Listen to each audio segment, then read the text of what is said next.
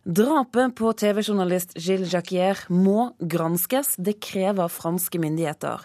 I går ble Jacquier drept i et bombeangrep mot en folkemengde i den syriske byen Homs. Åtte syrere mistet også livet. Dessuten ble flere skadd, blant dem en nederlandsk TV-journalist og en journalist fra Belgia. Ifølge FN er mer enn 5000 personer drept i protestene mot Assad sitt regime i Syria. Aftenpostens korrespondent i Syria, Jørgen Lone, var også i Homs i går, kun kort tid før angrepet. Og på telefon fra Damaskus forteller han hvordan journalistmiljøet fikk seg en støkk da de plutselig mistet en kollega.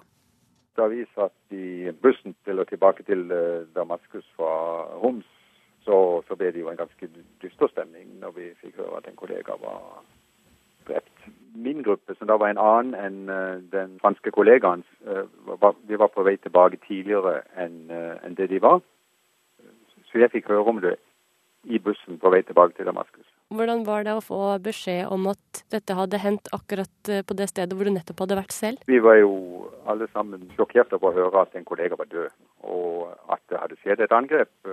Det er jo sånn at man tenker da at det er jo ikke ufarlig, det arbeidet vi gjør. Samtidig som man jo tenker hadde vi vært til stede, så hadde vi jo kunnet rapportere mer nøyaktig og visst mer om hva som faktisk uh, hendte.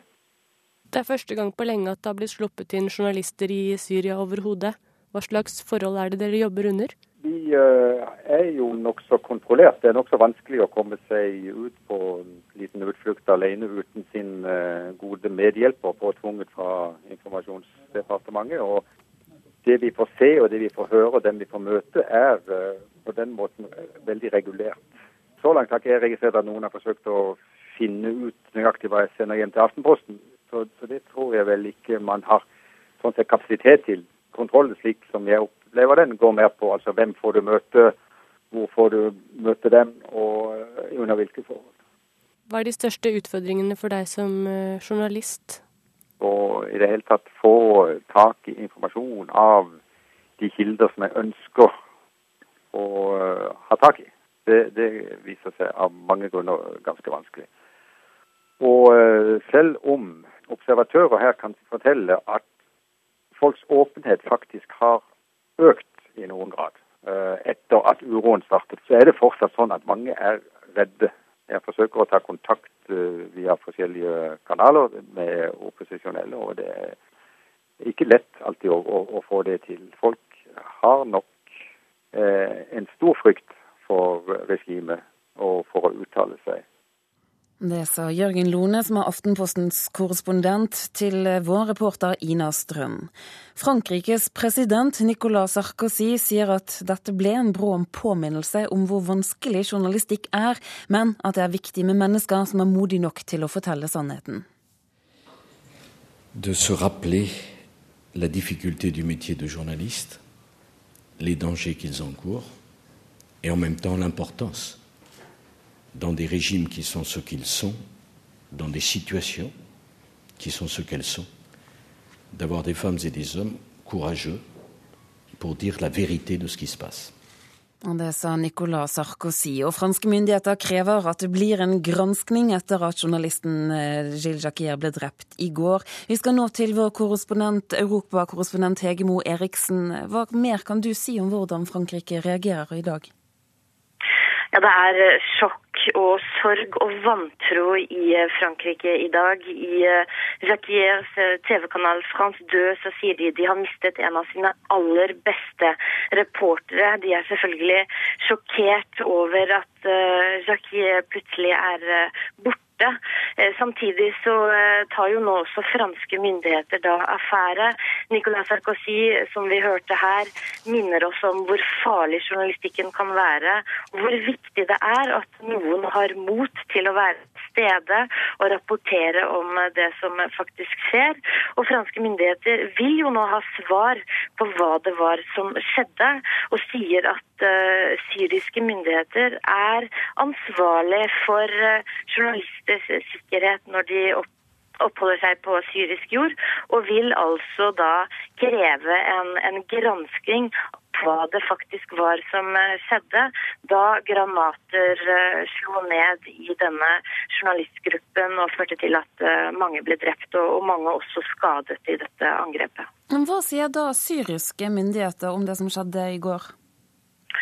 Ja, Syriske myndigheter de avviser kategorisk at eh, de står bak angrepet. Den statlige fjernsynskanalen eh, omtalte jo i går eh, angriperne som terrorister, og sa at uh, dette angrepet var rettet mot en demonstrasjon til støtte for president uh, Bashar al-Assad og regimet. Og dette området hvor journalistene og Gilles Jacquier befant seg, er et område hvor, uh, hvor regimet har sterk støtte. Og det har jo også gjort at flere som var til stede i går, skal ha pekt på regimet altså som en mulig eh, som om mulig står bak angrepet, men, men dette er jo foreløpig helt uklart. Til, til, nå, har, eller til ganske nylig, så har det ikke vært mulig for utenlandske journalister å, å reise inn i Syria og rapportere derfra. Så hva vet du om Jakier sitt opphold i landet? Ja, Det er det som er litt spesielt eh, med dette. fordi Syriske myndigheter har jo ikke villet ha journalister i landet sitt. Og Reportere uten grenser kommer nå med ramsalt kritikk av myndighetene. For dette var en tur som var godkjent av myndighetene. Her hadde syriske myndigheter ordnet med visum. Og det var altså flere journalister som var sammen i en gruppe da de ble angrepet. Og det som organisasjonen Reportere uten grenser nå stiller spørsmål ved, er om om de blir siktet på eller ikke, om dette var en målrettet eh, angrep eller ikke. Og det vil dersom en granskning eh, eh, Man kan jo kanskje ha et håp om at man en gang vil få svar, men foreløpig så, er, så vet man altså veldig lite om, om hvem som står bak. Til slutt, Hegemo Eriksen, du startet med å si at Frankrike er i sorg i dag over Gilles Jacquier. Altså, hvem, hva slags TV-journalist er han? Ja, han var ingen hvem som helst. Han var en av de mest erfarne journalistene til TV-kanalen France 2. Helt siden 90-tallet så har han dekket det meste som har vært av kriger og konflikter i verden. Han var i Kosovo, i Afghanistan, han har vært i Zaire. Han har dekket uh, det som har skjedd med den arabiske våren i de forskjellige landene der. Slik at han har vært en av Frankrikes mest erfarne krigskorrespondenter. Og i 2003 fikk fikk han den eh, anerkjente eh, Albert Londre-prisen sammen med en kollega, som altså var for deres dekning av den andre intifadaen i eh, Palestina. Slik at når Frans Død i dag sørger, så er det altså over en av deres mest markante og, og, og modigste journalister som, som de har hatt. Takk til vår europakorrespondent Hege Moe Eriksen. Arkitekt Arne Korsmo sin Villa Stenersen blir ny æresbolig for arkitekter. Etter det Aftenposten erfarer, så er kulturministeren i dialog med arkitektmiljøet for å finne rett kandidat. Villaen ligger på Vinneren i Oslo. Den regnes som et av hovedverkene til Arne Korsmo. Ble gitt til staten av skipsreder Rolf Stenersen som statsministerbolig på 70-tallet. Men kun Oddvar Nordli har benyttet seg av boligen mens han var statsminister, og siden så har huset stått tomt. To internettleverandører i Nederland ble i går dømt til å stenge tilgangen til fildelingsnettstedet The Pirate Bay. Den nederlandske platebransjen krevde nettsiden blokkert for å hindre piratkopiering av musikk. Mandag denne uken ble Pirate Bay også stengt for finske internettbrukere etter en dom i oktober i fjor. I Storbritannia pågår den samme rettsprosessen, mens i Norge slo retten fast i 2009 at Telenor ikke kan stenge tilgangen til nettsider, slik andre land i Europa nå gjør. Det kommer til å bli færre norske programmer å se på TV 2 fremover, nå som selskapet er heleid av danske Egmont. Det mener BI-professor Torgeir Reve. Han mener lovgivningen for eierskap i mediebedrifter nå er moden for revidering. At Norge som kapital- og kulturnasjon ikke har eiere som er i stand til å eie sin eneste kommersielle kanal. At vi, at vi kun har NRK som norskeid uh, TV-kanal. Det syns jeg er litt svakt. BI-professor Torgeir Reve står midt i en hop av norske kapitalister på SAS-hotellet i Oslo. Det er Skagen-konferanse, og det snakkes høyt om milliardinvesteringer. At ingen av milliardene brukes til å holde TV 2 på norske hender, gir Reve regjeringen mye av skylden for. Jeg tror man må se på den eierskapsloven, spesielt i, i lys av at mediesituasjonen i dag er helt annerledes enn akkurat hvor mange lokalaviser eier du på hvert sted. Eh, det er vel bare ett eller to store selskap som kunne tatt en sånn posisjon i dag. Og jeg tror ikke engang de vil forsøke å utfordre eh, myndighetene på dette. Og konsekvensen av det? Konsekvensen av det er at vi får utenlandske eiere på de fleste mediene. Og det er Reve, som har vært styreleder i NRK, sikker på at seerne vil merke. Hvis man ser en fremtid man får en stor internasjonal konstellasjon, som så eier et selskap som opererer i mange land, eh, da er kanskje mye av det, vi, det som var intensjonen bak TV 2, med norsk og kultur og, og, språk og alt dette, mye vanskelig å opprettholde. Så eh, jeg vil se frem til de fremtidige forhandlingene når dette eies av et stort internasjonalt konsern og ikke Egmont. Tror du det blir mindre norsk produksjon? Ja, det blir definitivt mindre norsk i den situasjonen. Reporteren det var Trond Lydersen. De kulturhistoriske museene må nemlig lære seg å si nei til alle gavene de får. Det anbefaler Kulturrådet i en ny rapport. De fleste gavene ender i magasinene og ikke på utstilling. museene har ofte ikke råd til å ta ordentlig vare på alle de 3,5 millioner gjenstandene i samlingene sine, og de sliter med å ta ordentlig vare på alle. Her har vi sittet nå mye kjørt ut, men dette er eh, deler av eh, Tidemanns reklame- og tobakkmuseum som museet overtok. Tobakksreklamen fra Tidemann oser av historie fra lenge før røykeloven ble innført. Sjefskonservator Inger Jensen viser rundt i rommet der gjenstandene som kommer inn til Norsk Folkemuseum, ligger og venter på registrering. Her finner vi forseggjorte krutthorn og treskap med vakre utskjæringer. Men også krystall grønnsåpe. Er det verdt å ta vare på? Ja, det er det. Eh, den skal inn i eh, en utstilling i eh, en leiegård vi har her. For der har vi jo innredet hjem fra ulike perioder. Folkemuseet forsøker å begrense mengden gjenstander det tar imot. For det er et problem at museene ofte tar imot for mange. Glade givere kommer trekkende med gamle gjenstander de har liggende på loft og i kjeller. Mesteparten stues ned i overfylte magasiner. Museene har ikke ressurser til å ta vare på alt. Derfor bør de i større grad si nei til gaver, mener Jensen. Museene bør kanskje lære seg litt oftere å, å, si nei. Det vi i hvert fall vet, er at vi kan ikke ta vare på alt. Så vi må foreta utvalg. Nå mener jeg ikke at vi skal si nei til alt, men vi skal vite om det passer inn i samlingene, om det er noe vi ønsker å ta vare på. For museene skal jo ikke være eh, et oppsamlingssted for det folk selv ikke ønsker å ta hånd om. En mer gjennomtenkt innsamling er anbefalingen til arbeidsgruppa Jensen har ledet på oppdrag fra Kulturrådet. Den tar for seg de kulturhistoriske museene under Kulturdepartementet, men problemstillingen gjelder de fleste av landets museer. Nei, her ser du jo eh, hvordan eh, tilveksten i samlingene på de kulturhistoriske museene har utviklet seg fra 1999 til 2008. Så er det en økning på 800 000. Så hvis den fortsetter i samme grad, så, så vil samlingene fort bli, bli fordoblet. Det er et problem for museene. For har et museum først sagt ja til en gjenstand, forplikter det seg samtidig til å ta skikkelig vare på den. Det koster. Likevel kan det være vanskelig å si nei. Vi kan uh, gjerne tenke oss at uh, giverne vil føle seg litt eh, krenkte. Johannes Rydland ved Strila-museet i Lindås kommune illustrerer dilemmaet mange museer står overfor. Altså Nå roter jeg skikkelig i oppi gryta som står på den gamle komfyren. Det vesle museet er stappfullt. Samtidig er ubehaget ved å avvise folk fra lokalsamfunnet stort. Og museumsfolk vil nødig gå glipp av potensielt viktig kulturarv.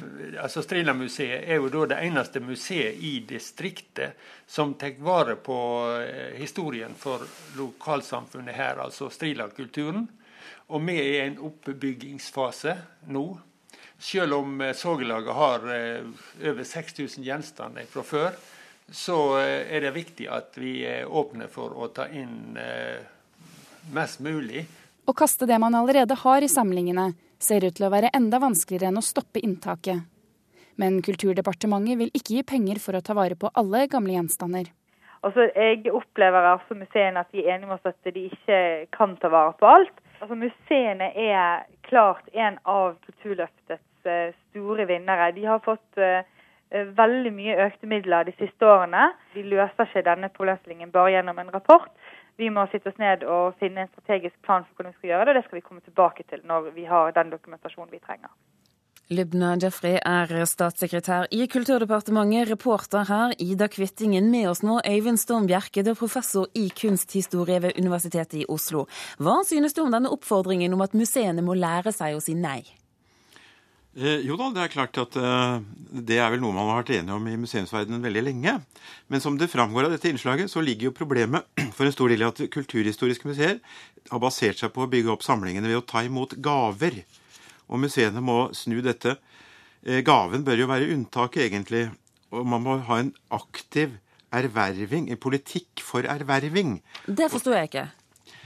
Eh, jo, altså innkjøp de må være det bør i større grad kjøpes inn enn tas imot gaver. Og for å kunne kjøpe inn, så må du ha midler. Og når man kjøper inn, så tenker man seg forhåpentligvis om både to og tre ganger.